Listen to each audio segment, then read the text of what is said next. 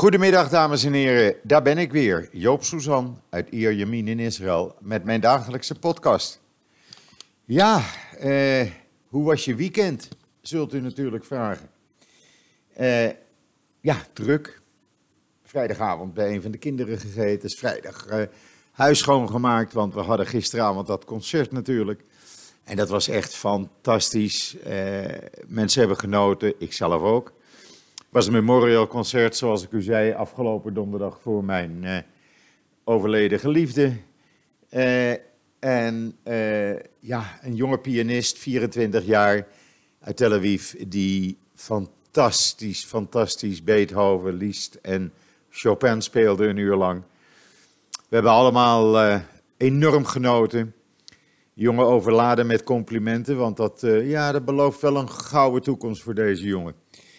Uh, het is echt uh, overweldigend hoeveel uh, ja, talenten er zijn op klassiek gebied in Israël. deze jongen studeert nog steeds, elke dag, doet daarnaast de studie mathematica. En ja, ik denk dat deze jongen gewoon over een aantal jaren de wereld afreist. In ieder geval, we hebben genoten. En we waren gelukkig dat we gisteravond geen uh, uh, stroomuitval hadden, zoals in andere delen van Israël, Tel Aviv. Wij hadden vanmorgen uh, stroomuitval, een paar keer, niet te lang. Maar dat komt door het weer. de kabels liggen hier allemaal bovengrond. ja, en er hoeft maar een tak op een kabel te waaien. En een hele buurt, een hele, nee, hoe heet dat, wijk zit zonder stroom. Het was gisteren trouwens uh, beestenweer. Niet bij mij. Het was zwaar bewolkt. Het was erg drukkend weer. Uh, maar gisteren de voorspelde uh, exceptionele tropische storm met de naam Scott. Ja, hij kwam wel, maar hij kwam veel later. Hij kwam aan land in de, in de Negev. via Gaza, zo naar het oosten. En hij nam mijn kracht af. Maar de hoeveelheden water die gevallen zijn in uh, het zuiden van Israël, ja, dat kwam wel uit. En het rare was, mensen die onderweg waren gisteravond naar mij toe, na het concert, die kwamen uit Tel Aviv en daar goot het van de regen. En ja, ze zeiden, zodra we bij jou in de omgeving kwamen, was het droog weer. Het is uh, heel raar. Uh, ook mijn broer die uit het noorden kwam, had halverwege wat last van enorme regenbuien, maar ja, hij zegt voor de rest was het allemaal prima te doen. Ook de wind. Wij hebben eigenlijk geen storm gehad. Die, die, die storm die is echt uh, ja, niet alleen afgezwakt, maar ook het, het pad, zeg maar, wat die zou leiden. Dat is uh, totaal anders dan dat men voorspeld had. En dat bewijst maar weer dat je kan voorspellen wat je wil. Maar uh, in de praktijk komt het vaak anders uit met het weer. Want het weer doet wat ze willen. Maar goed, uh, u kunt op joods.nl uh, een videootje zien en wat foto's van de enorme bliksem. Want als je aan de kust zit, dan, uh, ja, dan zie je die enorme heftige bliksemschichten boven de zee. Ik zal volgende keer eens proberen een foto ervan te maken. In ieder geval vandaag, ja, de voorspelde regen is niet gekomen. Afgelopen nacht wel, het heeft behoorlijk geregend hier. Niet gewaaid. En vanmorgen toen ik met de hond uitging lopen, uh, het rook zo fris, uh, al het stof was weg, weggespoeld door de regen. Wat dat betreft is die regen meer dan welkom. Maar de beloofde regen is niet gekomen. Het regent uh, ja, een beetje in het uiterste noorden op de Golan en een beetje op een paar plekken in de Negev-woestijn, maar dat is niet noemenswaardig. We zullen zien, er wordt nu regen voorspeld voor vannacht en morgen. Eh, en zelfs tot dinsdag. We zullen het zien. Op dit moment namelijk is het gewoon fantastisch weer in Ierjamin. Het is een strak blauwe lucht. Uh, 28 graden.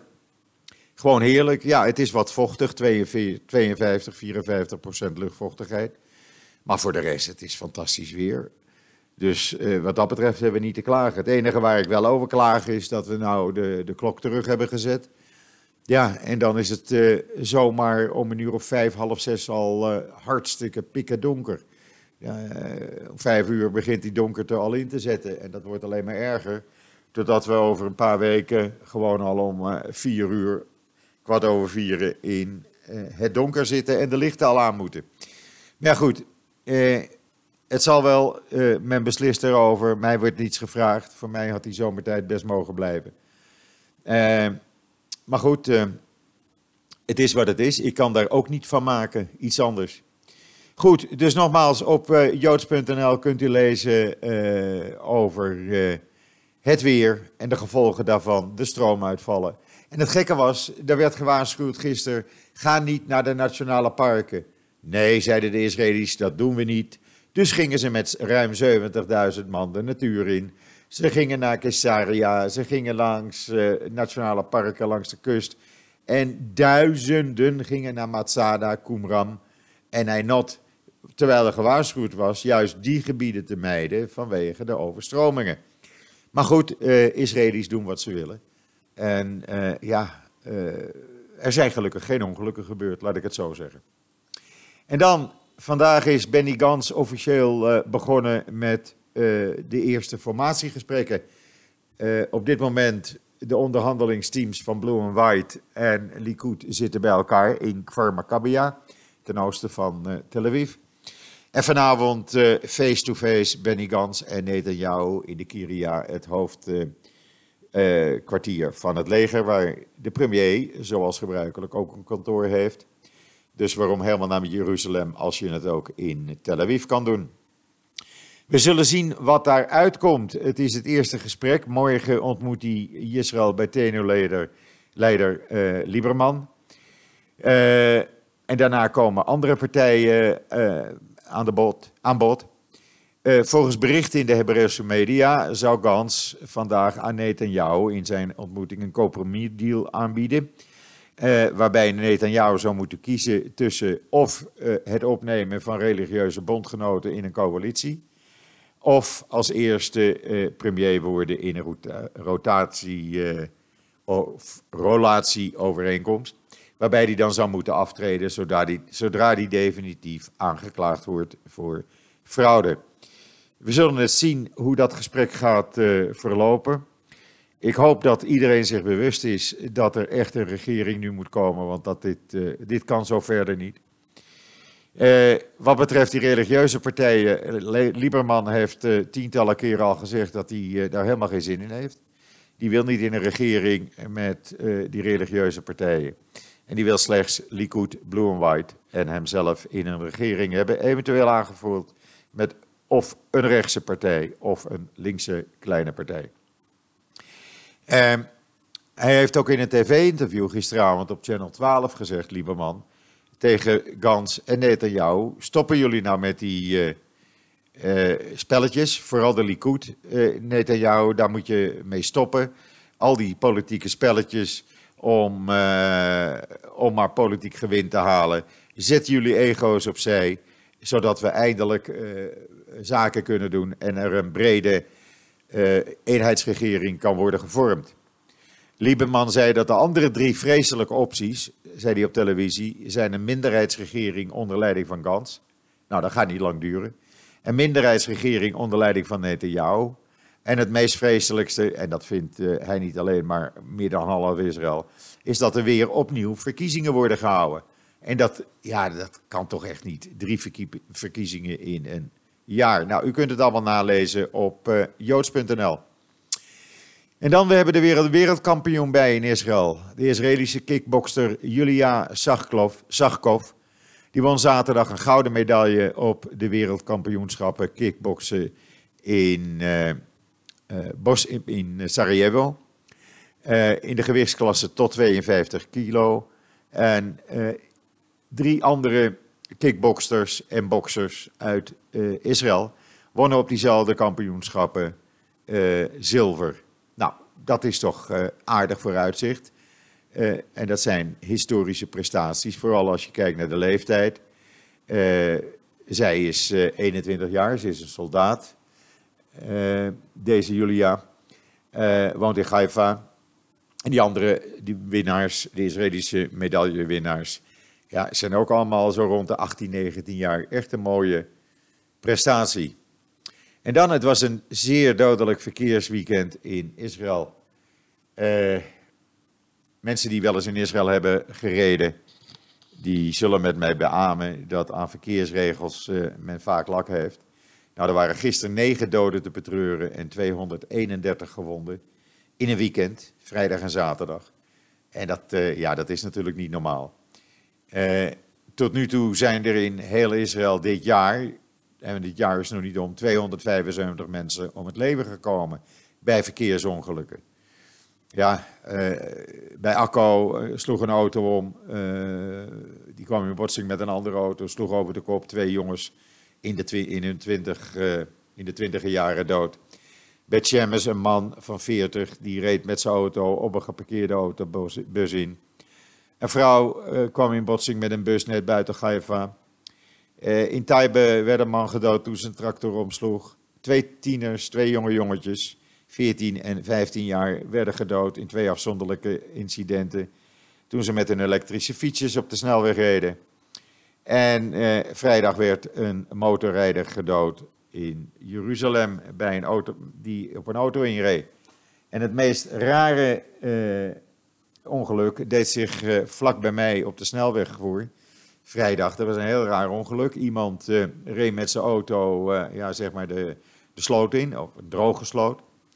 En ja, toen ging hij uit zijn auto en probeerde om zijn auto heen te lopen. En op dat moment werd hij geraakt door een passerende auto die doorgereden is. Ja, het is echt verschrikkelijk, al die, al die doden die er vallen. Maar het gekke is, uh, als het een terreuraanslag zou zijn geweest met negen doden, zou het hele land in rep en roer zijn. En hier, ja, het zijn nieuwsberichten. U kunt het allemaal nalezen op uh, JoodsNL natuurlijk. En dan de Palestijnen, Palestijnse handelaren en het Palestijnse publiek, de bevolking woedend op de regering, want de premier voert uit wat Abbas wil en die wil minder economische afhankelijkheid van Israël. Dus ze zijn gestopt nu met het importeren van kalveren uit Israël. Betekent dat de vleesprijs al bijna 30% gestegen is. En vergeet niet dat 90% van alle vleeskalveren eh, die op de westelijke Jordaanhoever worden geconsumeerd, dat komt uit Israël. Eh, ze krijgen het niet uit Jordanië. En waar ze het nu vandaan halen, niemand weet het. Dan worden ze zeker allemaal op uh, beslissing van uh, meneer Abbas allemaal vegetariër. In ieder geval, er komen demonstraties, men staakt en men wil dat deze regering uh, op, opzout, om het zo maar eens te zeggen. Voor duizenden families namelijk op de, in de Palestijnse gebieden is dit een bron van inkomsten. En die hebben ze nu niet meer. En ander werk is er niet. Dus hoe dat verder moet, u kunt het lezen in joods.nl. En dan in 2013 zou Israël overdag al zijn elektriciteit moeten kunnen halen uit zonne-energie. Ja, u hoort het goed. In de uh, Arava-regio, dat is het uh, uiterste zuiden van Israël, waar ook Elat onder valt, uh, daar is volgend jaar al overdag 100% komt de energie van solar panels, zonne-energie. Nou, ik roep al jaren waarom kan dat hier niet, want er is 360 dagen volop zon. En nu, uh, ja, nu heeft men dat uh, uiteindelijk doorgezet. En het gaat dus nu gebeuren in Zuid-Israël. En daarna komen andere delen van Israël aan de, aan de beurt. Er moeten kabels ververst worden, vernield worden. Want anders, ja, dan kunnen die die, eh, die stroom eh, schijnbaar niet aan. In ieder geval, eh, het wordt tijd en in 2013, het zou, 2030, sorry, het zou mooi zijn, zou heel Israël overdag volledig de energie uit zonne-energie halen en niet meer uit uh, uh, gas die elektriciteitscentrales gaan aandrijven, wat Netanyahu wil. Dit is goedkoper. Het is een derde van de prijs van de huidige energie. Dus Iedereen heeft er baat bij. En dan op joods.nl, een van 's werelds oudste exemplaren van de Hebreeuwse Bijbel, die komt terug naar Spanje. Uh, we hebben er hele mooie foto's bij gezet. Het is uh, de Kennecott uh, Bijbel, meer dan 900 pagina's, in 1476 gemaakt in Spanje en zal vanaf 12 april te bezichtigen zijn in Santiago de Compostela. Dat is een christelijke bedevaartplaats in Noord-Spanje. En die heeft deze Bijbel, die uh, in Oxford uh, uh, bewaard wordt, hebben ze van Oxford, krijgen ze van Oxford en komt daar dus naartoe. Hoe die in 1771 in Oxford terecht is gekomen, weet eigenlijk niemand. Mogelijk meegesmokkeld door Joden die sinds 1492 Spanje uit moesten, omdat ze zich anders moesten, werden gedwongen te bekeren tot het uh, christendom. In ieder geval, het is een hele bijzondere Bijbel. U kunt het in kleuren en geuren zien op joods.nl.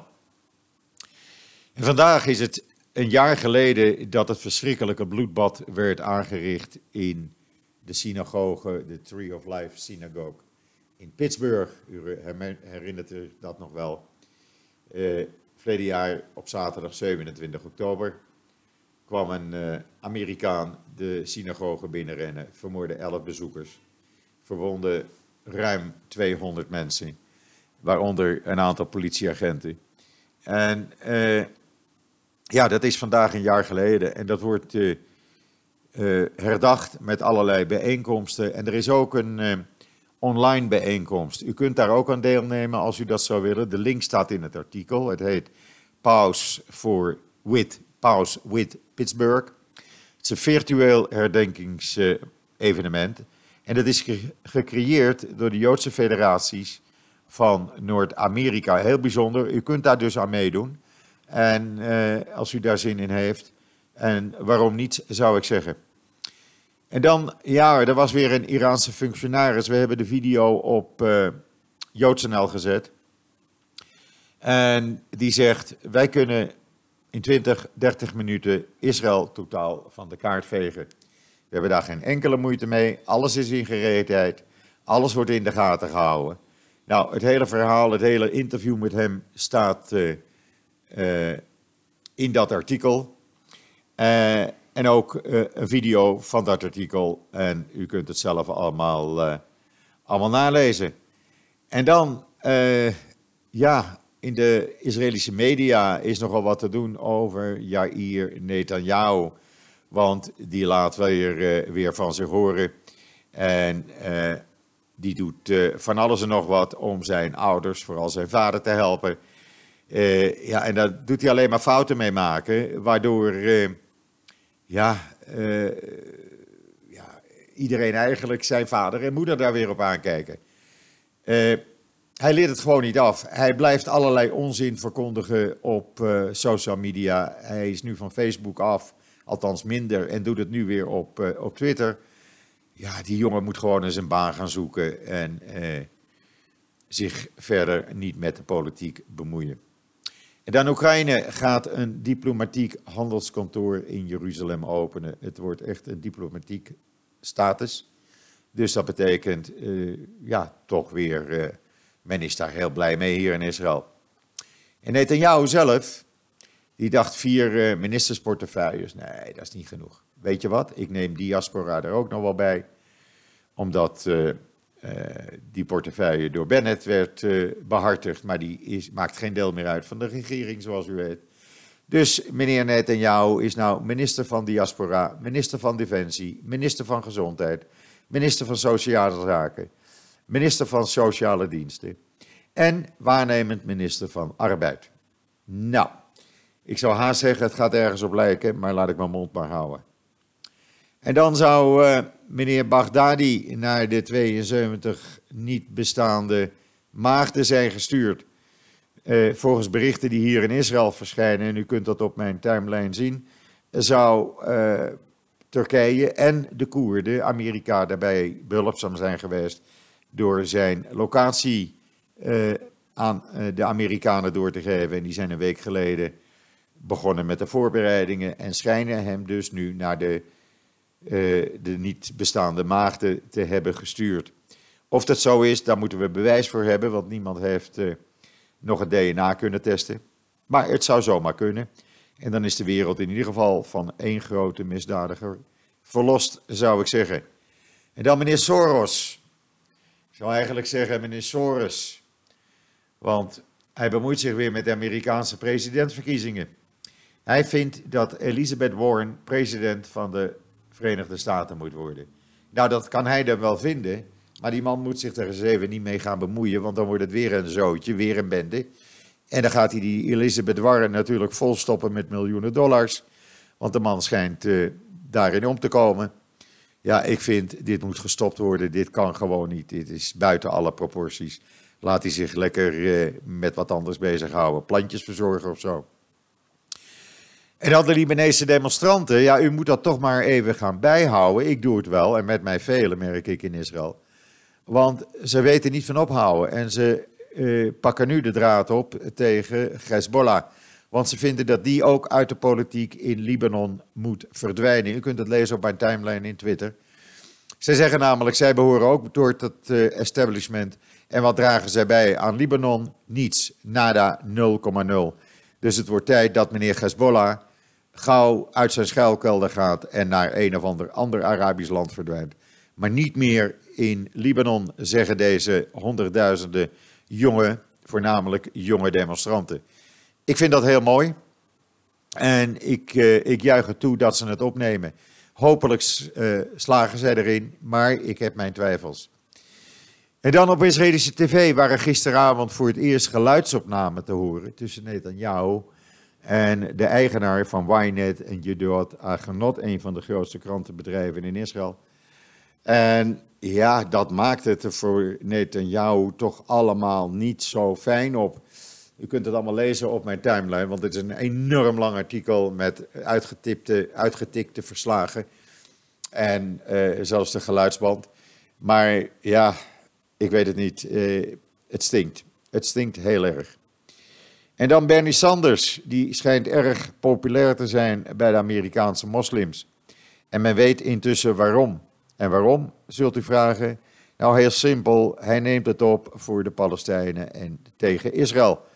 Ja, dan haal je dus een Sanders witvoetje bij de Amerikaanse moslims. En dit brengt mij uh, alweer aan het einde van deze eerste podcast, van deze eerste volledige werkweek in Israël na alle Joodse feestdagen. Uh, we gaan uh, de komende weken tot de derde week van december hebben normale werkweken. Daarna, eind december, is het Hanukkah. Dus ja, men kan weer aan de bak, om het zo maar te zeggen, en alle verloren tijd gaan inhalen. rest mij u nog een hele fijne zondagmiddag toe te wensen. En wat mij betreft zeg ik zoals iedere dag: tot ziens, tot morgen.